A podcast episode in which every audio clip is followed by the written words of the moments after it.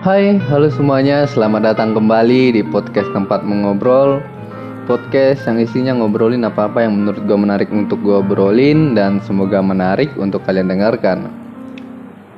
Sekali lagi gue sampein ya meskipun suara gue nggak bagus-bagus banget untuk didengar, tapi semoga aja podcast ini bisa menemani hari-hari sepi kalian, menemani hari-hari sedih kalian, atau menemani di malam hari kalian ketika kalian lagi susah tidur, ketika kalian lagi bergadang karena lagi ngejain tugas atau lagi ngejain skripsi. Di episode kedua ini, gue mau ngobrolin uh, tentang relationship. Di mana relationship ini dalam bahasa Indonesia-nya adalah uh, hubungan. Dan hubungan ini bermacam-macam, kayak hubungan lu sama keluarga lu, hubungan lu sama Tuhan lu, hubungan lu sama pasangan lu dan hubungan lu antar pertemanan lu. Tapi uh, kayaknya di di podcast ini gue cuman mau ngebahas uh, tentang pertemanan dan percintaan. Karena kalau hubungan gue sama keluarga gue ya baik-baik aja. Jadi nggak ada yang perlu gue bahas. Kecuali gue broken home mungkin ada. Tapi jangan sampai lah uh, dan kalau gue ngebahas tentang hubungan ke, ke Tuhan gue rasa belum pantas untuk gue ngobrolin itu karena gue takut uh, eh, gue akan disomasi. Karena gue tahu pendengar podcast ini nggak banyak gitu. Cuman biasanya nih biasanya kalau yang bersangkutan ke situ-situ nyerempet-nyerempet ke jurang itu viralnya cepet gitu. Jadi gue nggak mau sebelum gue gua banyak sebelum podcast ini banyak denger tapi gue udah didengar tapi gue udah malah gue malah apa sih ngomong apa sih? Nah, maksud gue kalau gue ngomongin tentang Tuhan kalau gue salah ngomong takutnya gue di di di somasi gitu atau di penjara karena kasus atau segala macam gitu. Gue takut aja makanya gue nggak mau bahas itu. Jadi gue ngebahas tentang pertemanan dan percintaan ini aja karena eh, kenapa gue bahas ini? Karena menurut gue percintaan dan pertemanan ini pertemanan ini sangat sangat apa ya sangat menarik gitu. Dia bisa jadi satu kesatuan pertemanan dan percintaan ini. Dan ada di beberapa orang yang pertemanan dan percintaan ini bermusuhan. Yang bermusuhan dalam dalam eh, contohnya kayak uh, ada beberapa orang yang pasangannya ini nggak suka sama circle pertemanannya. Karena karena karena ketika si cewek ini atau si pasangan ini lagi butuh apa ya butuh teman ngobrol teman curhat lalu si cowok ini malah lebih memilih nongkrong sama teman-temannya lebih milih main main main main main. Ya lebih main-main lah sama temennya lebih nongkrong sama temennya main karambol atau segala macam. Dan dan otomatis si cewek ini akan kesel gitu sama si temennya pasang si cowoknya ini. Dia akan kesel karena ya karena dia si cewek ini terabaikan. Karena temen ini si cewek ini terabaikan. Dan sebaliknya ketika uh, ada beberapa orang yang temannya ini nggak suka sama hubungan percintaan teman lainnya.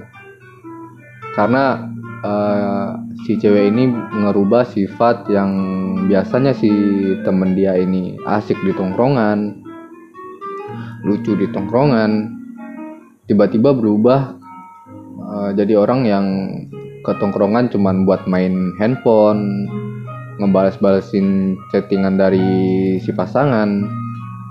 Bahkan ada yang sampai ke tongkrongan cuman buat numpang duduk untuk nelpon di pojokan sama pasangannya ini gitu. Nah maka terjadilah uh, perselisihan antara pertemanan dan percintaan. Tapi percintaan dan pertemanan ini bisa apa ya menurut gue bisa bisa jadi menyatu gitu.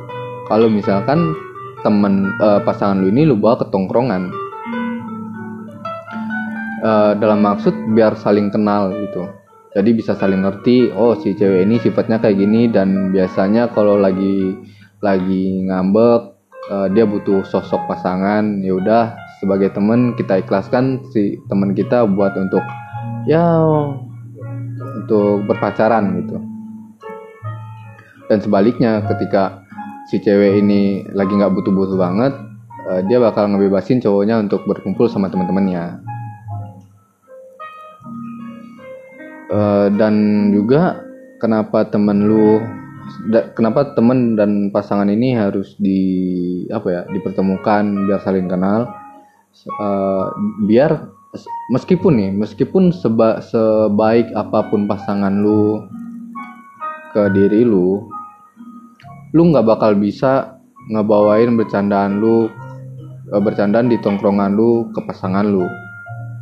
Misalkan kayak uh, bercandaan kayak ya elah gitu doang lu nggak berani. Titik doang gede tapi nyali kecil. Ya kan nggak bisa ya kan ya kalau misalnya nih lu cowok punya pasangan terus lu bercandaan itu ke cewek lu ya nggak mungkin gitu loh. Nggak bakal bisa.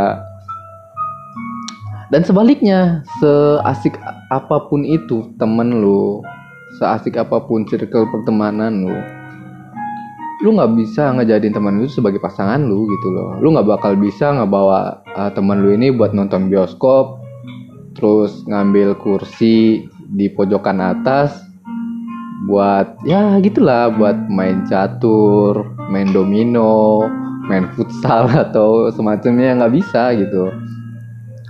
Dan cukup aneh gitu ketika lu berdua cowok terus terus ke bioskop uh, beli tiket ngambil kursi yang paling pojok atas. Dan gue rasa kasir kasir atau menjaga tiket pun kayak ngasih ini kayaknya ada yang nggak beres deh gitu.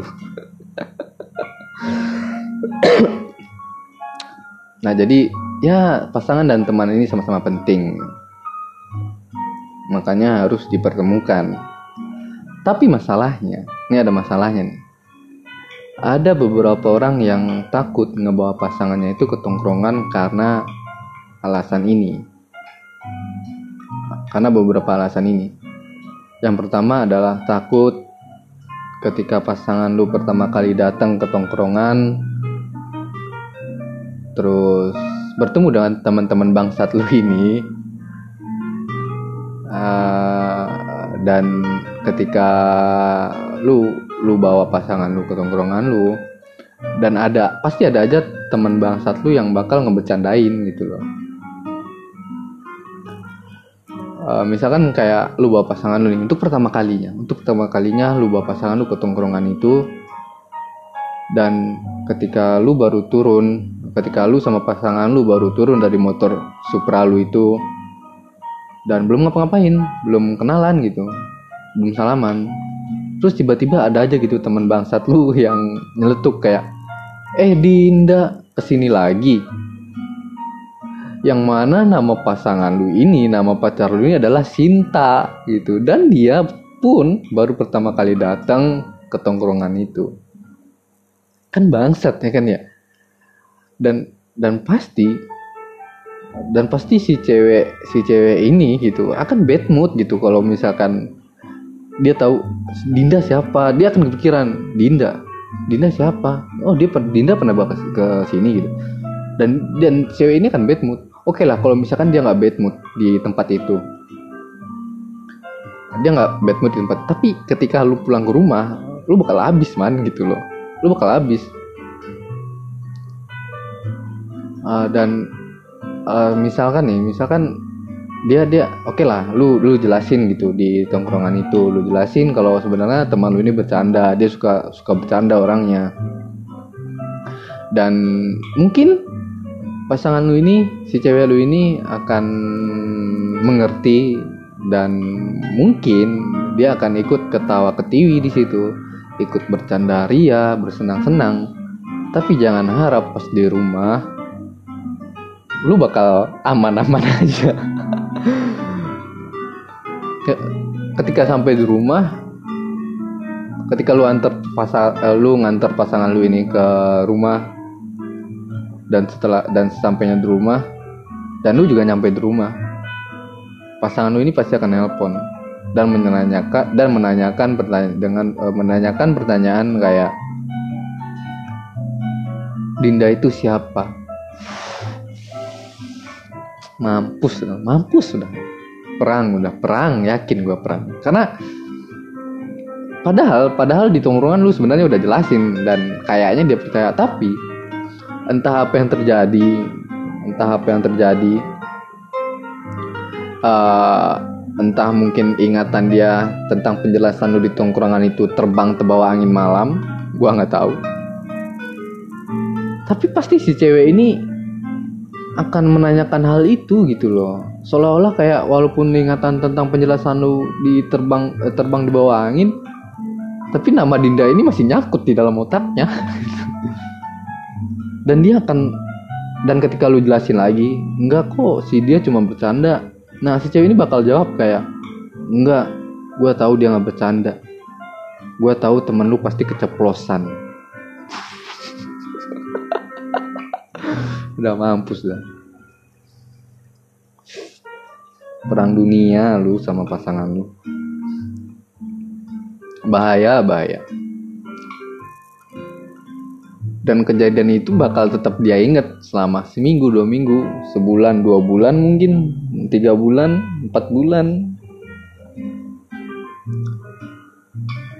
dan bahkan ketika lu misalnya ada janji nih sama pasangan lu ini terus dia lu janji jemput dia jam 5 terus lu telat sekitar 3-5 menitan 3 3 sampai 5 menit dia bakal langsung ngeluarin jurusin kayak jurus kayak kok telat? Abis nganterin Dinda ya?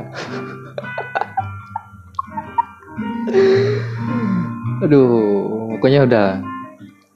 Makanya untuk untuk kalian yang pengen bawa uh, tong, uh, pasangannya ke tongkrongan tolong lu briefing dulu teman-teman bangsat lu ini gitu kalau misalkan cewek lu ini orangnya yang agak cemburuan hal bercanda menjadi perang dunia Lalu alasan berikutnya uh, biasanya orang-orang takut membawa pasangannya ke tongkrongan karena dia bukan main karakter di situ. bukan pemeran utama di tongkrongan itu. Uh, contohnya pemeran utama itu maksudnya kayak orang yang ganteng di tongkrongan. Yang pertama orang yang ganteng di, di tongkrongan. Eh enggak, yang pertama adalah orang yang bisa main gitar di tongkrongan, yang bisa main musik dan itu uh, biasanya main gitar yang kedua orang yang ganteng di tongkrongan dan yang ketiga uh, orang yang jadi badut di tongkrongan atau orang yang paling lucu di tongkrongan. Ntar gue minum dulu. Orang jadi badut di tongkrongan. Dan yang paling berbahaya di antara tiga ini menurut gue adalah si badut ini. Karena si nomor satu ini ya yang suka main gitar ini ya sosok lah. Si nggak nggak nggak banyak gitu cewek yang suka selalu ketika teleponan atau ngobrol selalu dinyanyiin selalu digitarin itu nggak banyak cewek yang suka itu jadi ya ini masih dibilang kasta terbawah atau atau nggak nggak terlalu mengkhawatirkan dan uh, tipe kedua si ganteng Nah, si ganteng ini, ini akan cukup berbahaya, akan cukup mengkhawatirkan. Tapi bukan buat lu. Maksudnya dia dia nggak menyerang lu, tapi menyerang pasangan lu. Apalagi kalau misalkan pasangan lu ini tipe cewek yang dia lebih melihat seseorang dari fisik. Dan fisik lu atau kegantengan lu lebih uh, kalah dari teman lu ini. Dia akan bisa berpaling ke teman lu dia akan cari-cari Instagramnya uh, Instagram temen lu itu dan mencoba mendm DM dan ini akan tergantung terhadap temen lu ini. Apakah dia temen yang bangsatnya bangsat itu maksudnya kayak berani nikung temen atau bukan temen yang tipe ya, yang temen yang bukan tipe uh, bukan? Apa sih? Atau temen lu ini bukan temen yang suka nikung gitu. Nah tipe yang ketiga ada tipe yang sangat berbahaya menurut gua. Kenapa? Karena si nomor tiga ini bukan menyerang bukan cuma menyerang pasangan lu tapi juga menyerang lu. Yang nomor tiga ini juga menyerang perasaan lu psikis lu. Gitu. Lu akan uh, dia dia menyerang pasangan lu ketika cewek ini akan terbahak dan akan mungkin akan merasa nyaman gitu dan nomor tiga ini akan seolah-olah menyerang lu karena ke, apalagi ya apalagi ketika lu teleponan ketika lu video callan sama si cewek ini lu bukan tipe yang suka ngelucu. Lu tipe yang romantis yang ngobrolnya gombal-gombalan dan ya walaupun sesekali lu bikin ketawa bikin lucu ketawanya cuman kayak haha haha yang gitu lu tau gak lu yang? Ketawa maksa. Nah lu akan sakit hati sendiri ketika ngelihat pasangan lu ternyata dia tertawa terbahak-bahak oleh teman lu ini. Itu akan sangat berbahaya. Nah makanya ada beberapa orang yang takut bawa tongkro uh, pasangannya itu ke tongkrongan karena alasan tersebut gitu. Dan eh, ini gue lebih spesifik ke laki-laki ya gitu. Dan masalah masalah apa ya, masalah pemeran utama ini pun gue pernah pernah kejadian ke diri gue gitu. Uh, di mana gue gue gue bukan yang jadi cowok yang terserang ya. Cuman gue ini orang yang apa ya gini gue ceritain deh kronologisnya. Tapi sebelumnya gue ini bukan orang yang yang badut di tongkrongan. Maksudnya gue bukan orang yang paling lucunya gitu. Tapi gue bisa tektokan. Gue ngerti cara berkomedi gue pak. Karena gue punya dasar komedi di diri gue mungkin bukan mungkin sih gue ngerasa gue punya komedi gitu dalam diri gue dan gue paham konteks komedi lalu gue paham cara kerjanya uh, komedi tersebut gitu. Nah ada satu teman gue kita nyebutnya kita sebut aja B ya. Si B ini dialah yang paling lucu di tongkrongan. Dan si A ini yang dan si A adalah orang yang ngerasa gue ini uh, penjahat gitu. Apa sih gue ngomong apa dah? Pokoknya gitulah. Jadi ada suatu ada suatu kali kita ngumpul gitu gue lupa acara apa kondangan atau acara makan-makan biasa atau apa gue lupa. Kita ada bertujuh. Uh, gue gua terus teman gua si A sama pasangannya teman gua si B yang lucu ini sama pasangannya terus teman gua si C dan ada satu lagi uh, cewek dan ini bukan pasangan si cewek gitu. Jadi bertujuh kita ngobrol dan dan si si A dan si B ini pasangannya itu udah saling kenal. Udah saling kenal. Pasangannya udah saling kenal dan mereka udah saling kenal. Tapi pasangan mereka ini baru pertama kali kenalan sama gua. Nah karena baru pertama kali kenalan otomatis otomatis kita ngobrol-ngobrol dong basa-basi gitu. Kayak nanya nama tempat tinggal, lulusan apa gitu-gitulah. Sampai di mana pertanyaan uh, nanya tentang kuliah pekerja. Nanya kuliah pekerja. Terus gue jawab kerja. Uh, yang nanya ini adalah pasangan si A. Pasangan si A. Pasangan si A ini nanya kuliah pekerja kerja kerja apa gitu ditanya lagi kan terus teman gue si B ini yang bisa yang si lucu ini dia nyeletuk gitu. Nyeletuk kayak oh dia kerjanya mah di salon. Ya mungkin menurut tuh sekarang nggak lucu tapi waktu itu lucu gitu. Dengan tampang gue yang ya sedikit nggak cocok gitu untuk kerja di salon dia uh, dia kerja di salon terus ketawa cewek si A ini. Ha. Cuman gue tahu itu komedi gitu. Dan ini momen komedi yang nggak bisa apa yang nggak bisa dibiarin aja. Gue harus nambah nih. Gue harus nimpalin gitu loh. Ya udah ketika dia nanya pas bilang kerja di salon terus cewek uh, kita semua kita semua ketawa kita semua ketawa. Terus gue lebih gue nimpalin lagi iya itu kalau malam eh, iya itu uh, kalau siang kerja salon tapi kalau malam uh, gue mangkal jadi bencong gitu. Terus gue nge uh, bikin ekot gitu. Uh, ngebik ngebikin gerakan kayak bencong yang ngelentikin tangan. Nah si cewek ini lebih ketawa lagi. Kita lebih ketawa lagi. Tapi temen gua nih yang si A ini dia juga ikutin ikutan ketawa. Tapi ketawa cuma sebentar terus dia ngeliat ceweknya kayak kok mungkin dia mikir kayak kok sama uh, sama dia kok sama dia ketawanya lebih lebih terbuka gitu lebih ngakak kok sama gua enggak? Nah di situ lucu banget. Terus di situ muka dia udah berubah man. Muka teman gue ini udah berubah gitu ngeliat gue dia udah kayak udah main HP buka Instagram kita ngobrol. Pernah kita ngobrol-ngobrol gue tanyain ya jawabnya singkat-singkat. Dan sampailah pulang. Pas pulang temen gue yang lain di di ini kan. Dia pamitan ah gue balik ya. B gue balik ya. Ya pak gue balik ya gitu. Dia nggak nyebut nama gue nggak ya balik ya gitu ya balik ya. Maksud gue kayak kok kok marahnya ke gua? gitu loh. Kan kan yang bikin yang mancing duluan ini si B gitu loh bukan gua. Gua gua cuma nimpalin aja. Tapi ya udahlah. Dan dan ya untungnya kekesalan dia itu nggak berlanjut lama gitu. Terus ya itu bakal jadi dan ketika itu udah selesai maksudnya udah beberapa udah berlanjut nah itu jadi bahan lawakan di tongkrongan. Kayak ah, anjing masa gue ngelawak lu marah? gitu.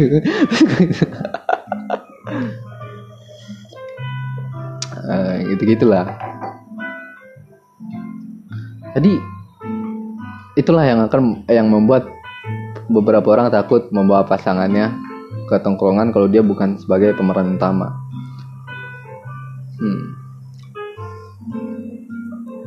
lalu uh, meskipun percintaan dan pertemanan pertemanan ini sangat mengasihkan akan membuat lu bahagia tapi ada beberapa orang di luar sana yang nggak bisa kita pungkiri kalau ada beberapa orang yang terjebak di dalam hubungan percintaan maupun pertemanan yang bikin tidak nyaman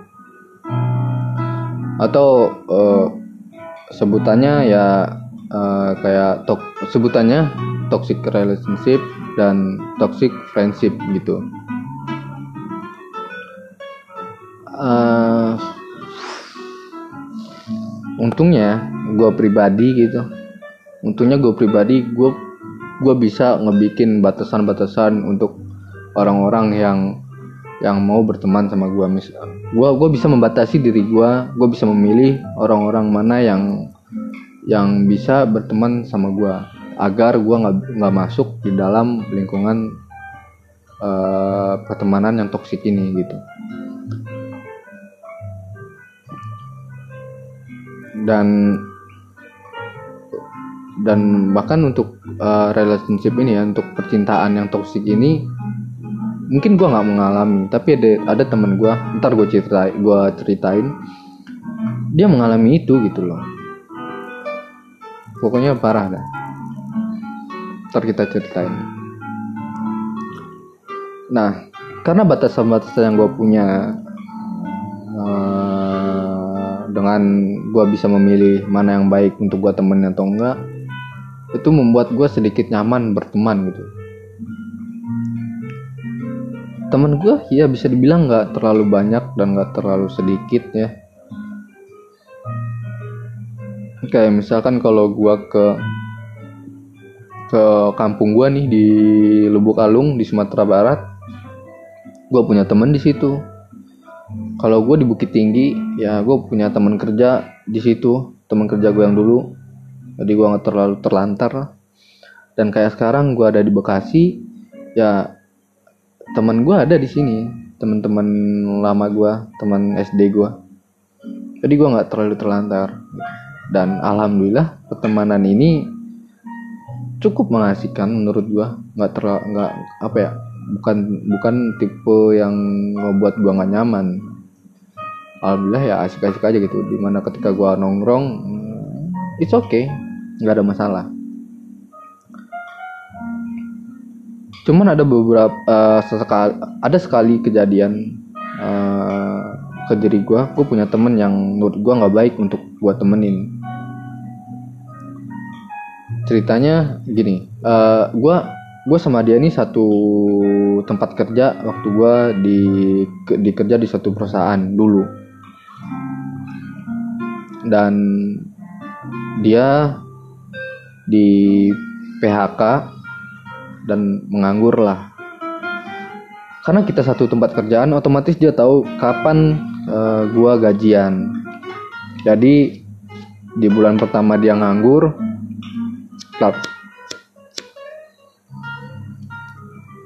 di bulan pertama dia nganggur dia minjem duit ke gua. Terus gua kayak ya udah dia baru nganggur sebulan. Gimana sih? Pasti susah buat nyari kerja. Oke lah gua pinjemin. Dan itu pun dalam hati gue gue emang niatin nggak usah diganti.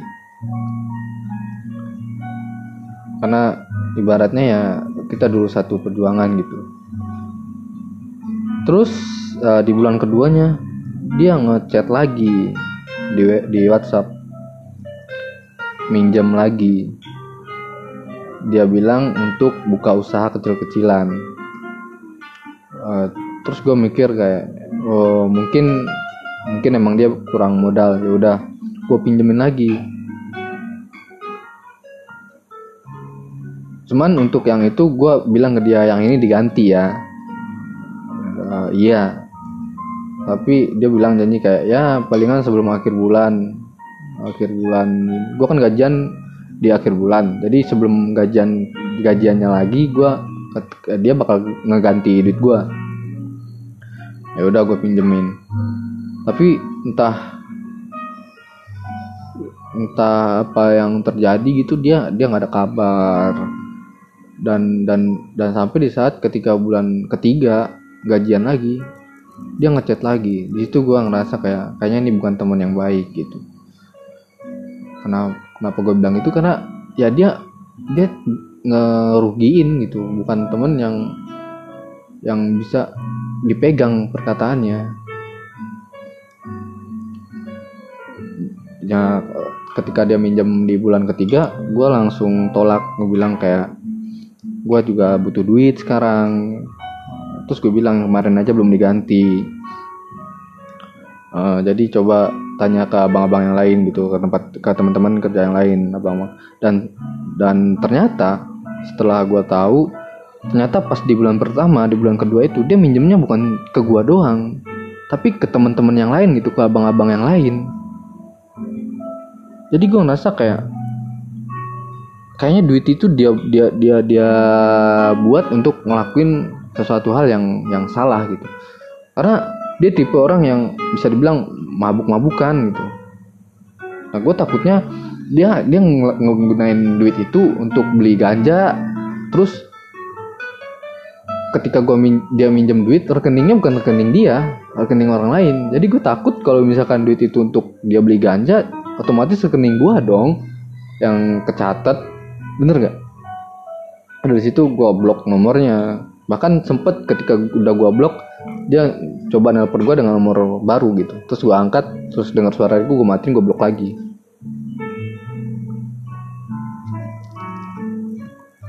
Nah itulah uh, itu alhamdulillah gue bisa ngebatasin itu gitu. Karena ada beberapa orang yang menurut gue dia nggak berani gitu. Dia kayak ya dia teman gue teman gue ini butuh pertolongan. Untungnya gue bukan orang kayak gitu dan temen-temen yang nggak bagus untuk ditemenin ini ditemenin ini bukan cuman yang ngerugiin lo tapi ada beberapa temen yang yang mungkin dia nggak ngerugiin lo tapi temen lu ini adalah tipe orang yang merasa dirinya bosi merasa dirinya di atas segalanya. Yang apa sih namanya itu super super power. Apa sih? Ya yang begitulah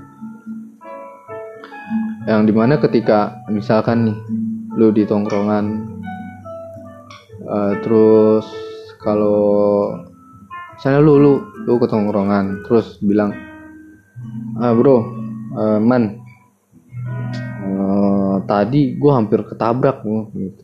Terus pasti ada aja gitu. Pasti kalau temen temen yang nggak bagus itu temennya dia dia bakal uh, ngejawab kayak wah lu masih mending kalau gue mah udah ketabrak.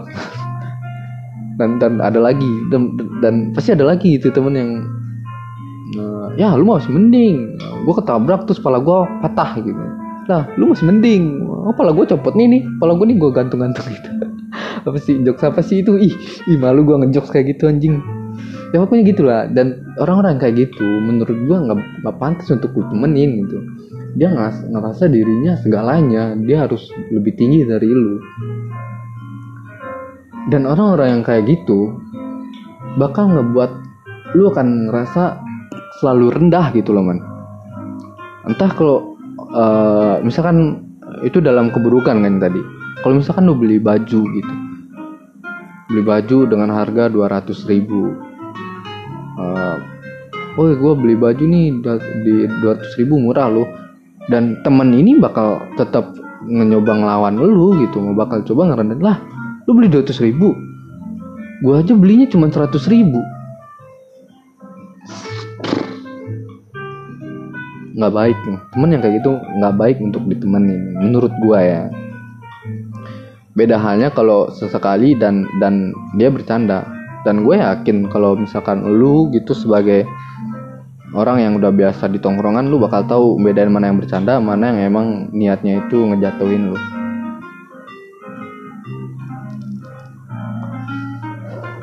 lalu temen yang selanjutnya yang menurut gua gua batasin untuk berteman sama gua adalah orang-orang yang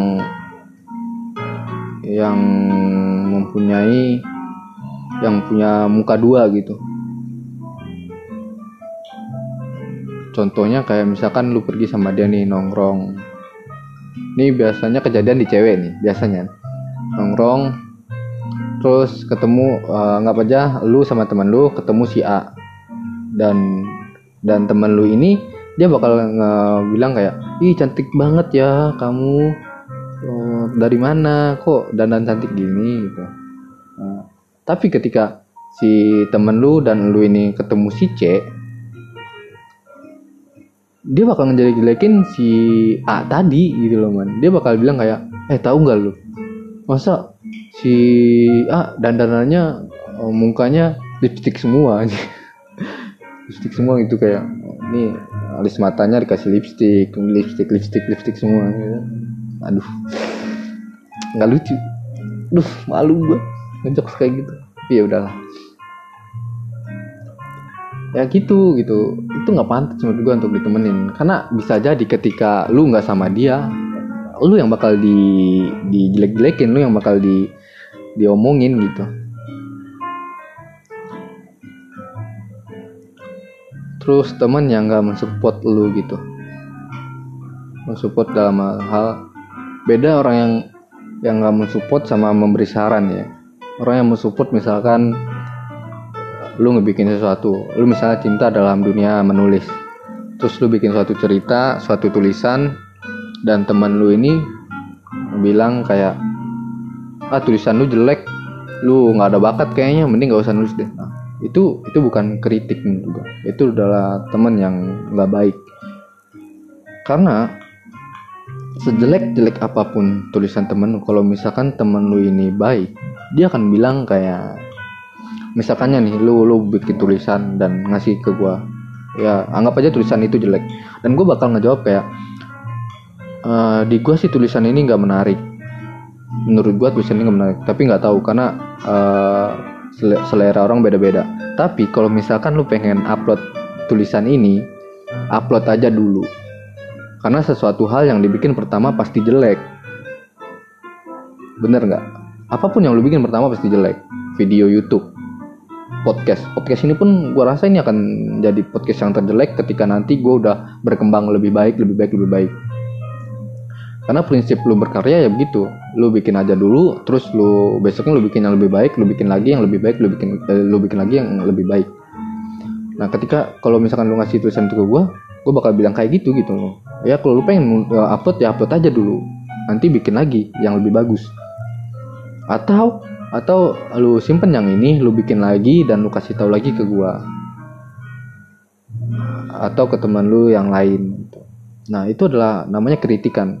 Lu boleh ngebilang jelek karena lu harus jujur dong. Kalau menilai itu harus jujur man. Ya lu bilang ya tulisan lu jelek tapi kalau misalkan lu pengen coba lagi uh, tuh kalau tulisan ini jelek ya nggak apa-apa karena emang awalnya pasti jelek gitu. Itulah teman yang baik. Uh, terus temen yang gua batasin untuk berteman sama gua adalah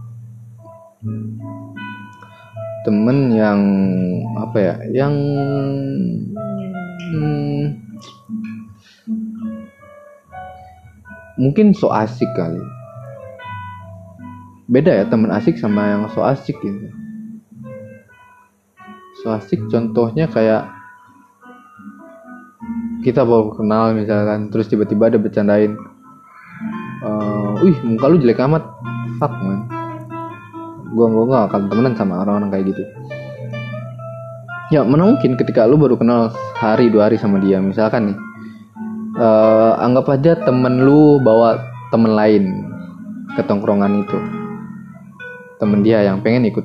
Terus baru datang sehari belum belum deket nih ngobrol aja baru sedikit sedikit terus tiba-tiba yang temen lu temen yang dibawa temen lu ini uh, ngomong tiba-tiba datang nih misalkan orang jelek di itu yang bi emang udah biasa nongkrong situ jangan bilang jelek ya ya karena bercandaan cowok gitu man. Kalau jelek ya dibilang jelek aja gitu.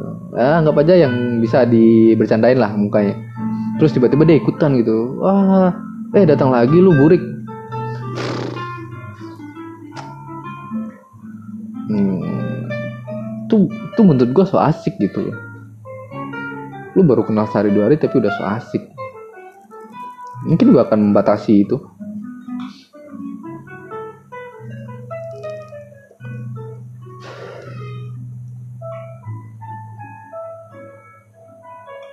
Dan uh, maka dari itu carilah teman yang emang bener-bener asik di circle lu gitu. Kalau udah gak asik ya udah lu tinggalin aja nggak masalah. Karena memang sewajarnya ketika umur lu ya aduh baterai gua habis lagi ketika umur lu hmm, 20 ke atas sampai 25, 26, 27 maybe akan ada bentar gua ngecas dulu. Bentar ya. Uh, akan ada di mana fase temen lu itu ya pasti berkurang. Lu lu pasti mempunyai filter sendiri untuk membatasi siapa-siapa saja yang bisa masuk ke dalam pertemanan lu.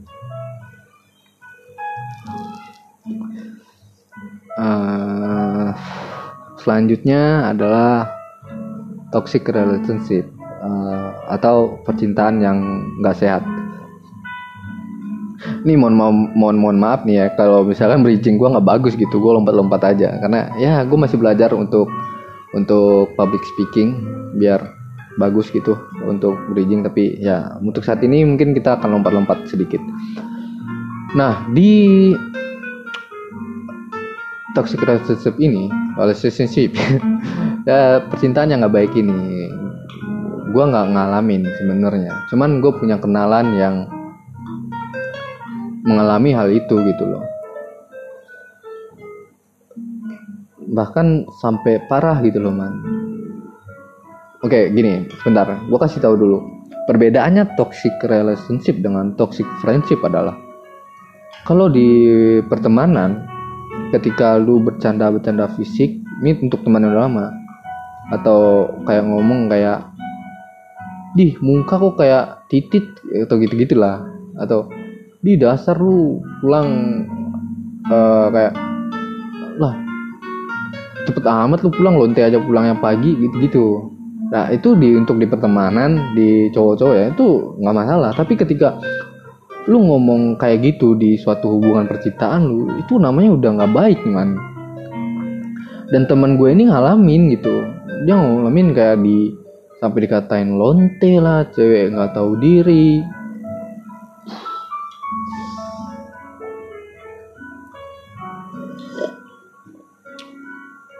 dan bahkan dia bilang ke gue dia sampai di ditampar gitu. Gue tahu itu kayak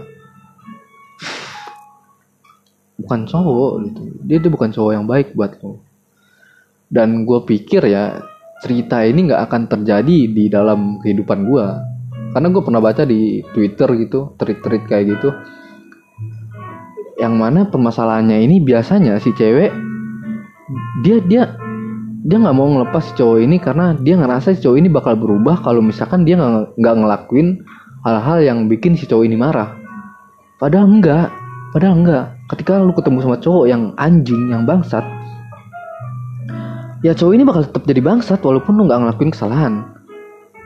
Ternyata ya gue yang gue yang gue tahu dari temen gue ini dia nih si cowok si cowok bangsat bajingan tai anjing kucing ini. Kesel gue kalau ngomong ini. Si cowok ini sakit. Terus uh, dia ya namanya pasangan. Otomatis dia ngejenguk dong ngeliat pasangannya. Dia pergilah ke tempat cowok ini temen gue ini. Temen gue ini pergi ke tempat cowok ini. Terus uh, otomatis bawa makanan dong. Bawa makanan dan dan dan hari itu malam lumayan malam. Dan hujan katanya. Kalau misalkan teman gue ini dengar mungkin ya mohon maaf gue nggak minta izin dulu untuk diceritain. Cuman gue kan nggak sepil lama nih. Cuman ya untuk sharing aja ya. Mohon maaf mohon maaf. Nah dia bawa makanan. Dan lo tahu apa yang dibilang cowok ini eh dan lu tahu. Gue gue gue seolah lu tahu eh, dan lu tahu nggak apa yang dibilang cowok ini ke ke temanku ini? Dia boleh dia bilang kayak lu beli apaan? Ini mah dia bilang kayak gue gue nggak bisa loh makan makanan murah kayak gini. Wow fuck. Lu sebagai cowok nggak bisa ngargain apa nih cewek? Udah malam datang ke situ hujan-hujanan. Bahkan dia sempet buat nyempetin buat beli makanan. Dan bahkan ya ketika cowoknya bilang gue nggak bisa makan makanan murah kayak gini. Si cewek ini masih sabar gitu. Si teman gue ini masih sabar dan dia bilang ya udah kalau kamu nggak bisa makanan ini kasih aja ke teman-teman yang lain nanti. Terus dia tahu gila dan dan dan dia jawab lagi gitu kayak sama teman-teman gue mah nggak bisa makan makanan murah kayak gini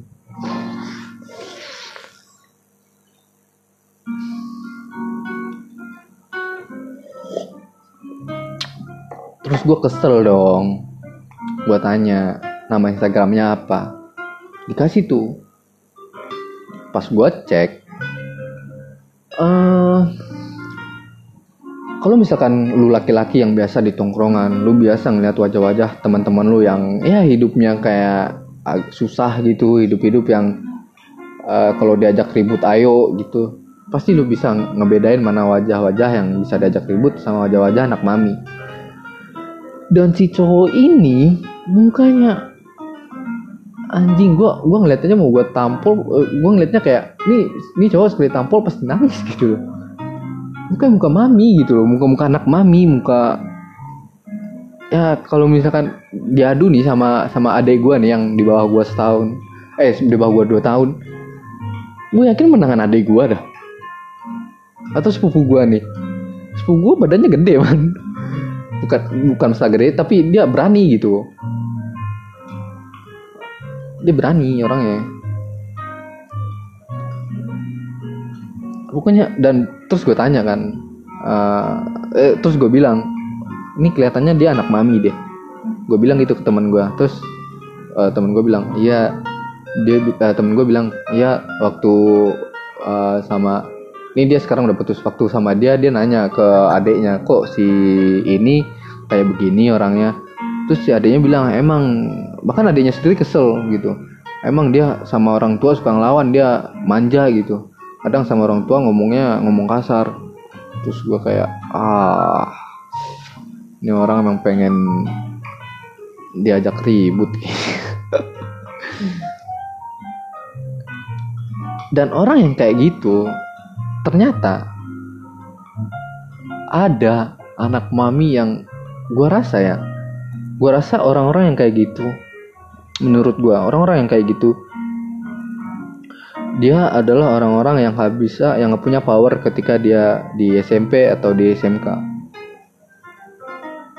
gue yakin itu. Kenapa karena mungkin ya mungkin kesalahan dari lingkungannya. Tapi kalau dibilang dari kesalahan lingkungannya dia juga ngelawan ke orang tuanya itu gue jadi bingung gitu loh. Gue jadi bingung. Kalau misalkan nih oke okay, kalau orang tuanya itu suka mukulin dia terus dia balas dendam sama cewek-cewek yang dekat sama dia oke okay lah fine gitu. Bukan bukan gue bukan ngebolehin juga sih tapi kayak dia ada gangguan dalam jiwanya. Ya udah. Tapi sama orang tuanya juga ngelawan. Terus apa? Apa yang lu banggain gitu buat ngelawan si berani nampar cewek berani ngatain kasar cewek ngomong bilang lonte lah anjing lah. Apa yang lu banggain gitu. Dan sayangnya temen gue ini dia ngasih taunya ketika gue udah ya gue udah nggak di daerah yang sama. Gue udah jauh perjalanannya sama dia. Kalau misalkan gue masih ada di situ mungkin gue akan ngajak ketemu ngajak ngobrol ya ya gue bakal ya, ya gue tahu gue bukan jagoan banget sih gue bukan jagoan di tongkrongan tapi ya buat apa gue punya teman punya temen yang jago-jago berantem anjing? Kan bisa gue adu temen gue tuh temen yang solid man. Apalagi temen ada temen gue yang kalau lu mau nggak ribut sama dia? Kalau misalnya terima oh mau gue gitu orangnya man.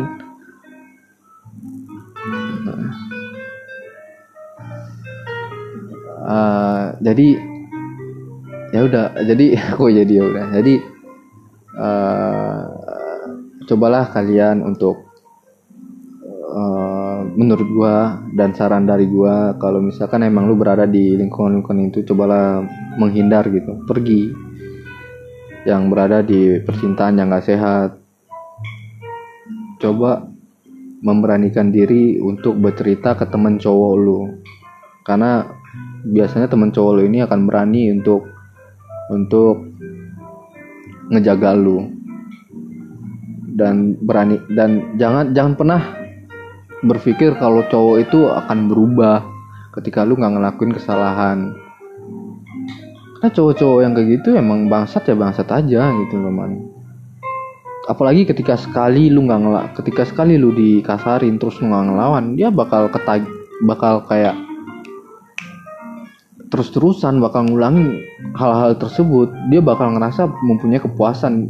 Dia dia dia, dia bakal ngerasa dia mempunyai kekuatan dia memegang alih dari suatu hubungan ini gitu. Dan juga buat teman-teman yang ngerasa kalau pertemanan lu nggak sehat cobalah keluar gitu. Nggak masalah lu nggak nggak punya teman banyak. Buat apa teman banyak kalau misalkan lu nggak nggak apa namanya nggak nggak nyaman di pertemanan itu gitu loh. Kita ini hidup di dunia ya untuk membahagiakan diri kita. Ini kita nggak nyautin nggak nggak itu sama agama ya nggak usah anggap paut sama agama dulu. Tapi untuk ke diri kita kita harus bahagia dulu man hidup di dunia ini kalau lu sendiri nggak bahagia kalau lu sendiri nggak nyaman lu nggak bakal bisa mencapai apa yang lu inginin. Kayak tadi misalnya lu pengen jadi penulis tiba-tiba punya teman yang kayak gitu dan lu tetap bertahan di situ lu gak akan mencapai cita-cita lu jadi penulis. Gitu loh. Hmm, kayaknya udah cukup lama udah 48 menit dan gue nggak tahu ini bakal gue edit lagi bakal gue edit atau enggak kayak yang episode pertama. Uh, karena gue males ngedit. Gue bukan males sih lebih tepatnya untuk mindahin ke komputer. Terus untuk motong-motong ya yang salah-salah tapi gue males. Tapi ya ya udah udah gini aja dulu. Se, se sampai di mana gue bisa ngebuat yang lebih baik lagi cuman gue rasa ini udah lumayan lebih baik. Aja nggak ini belum bagus. Gue tahu itu.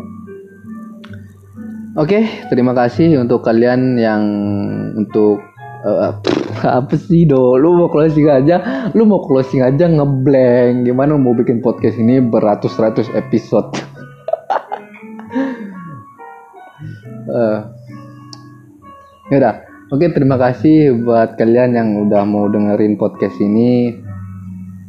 Uh, dan kalau misalkan kalian mau kalian mau share silahkan, gue sangat bersenang hati.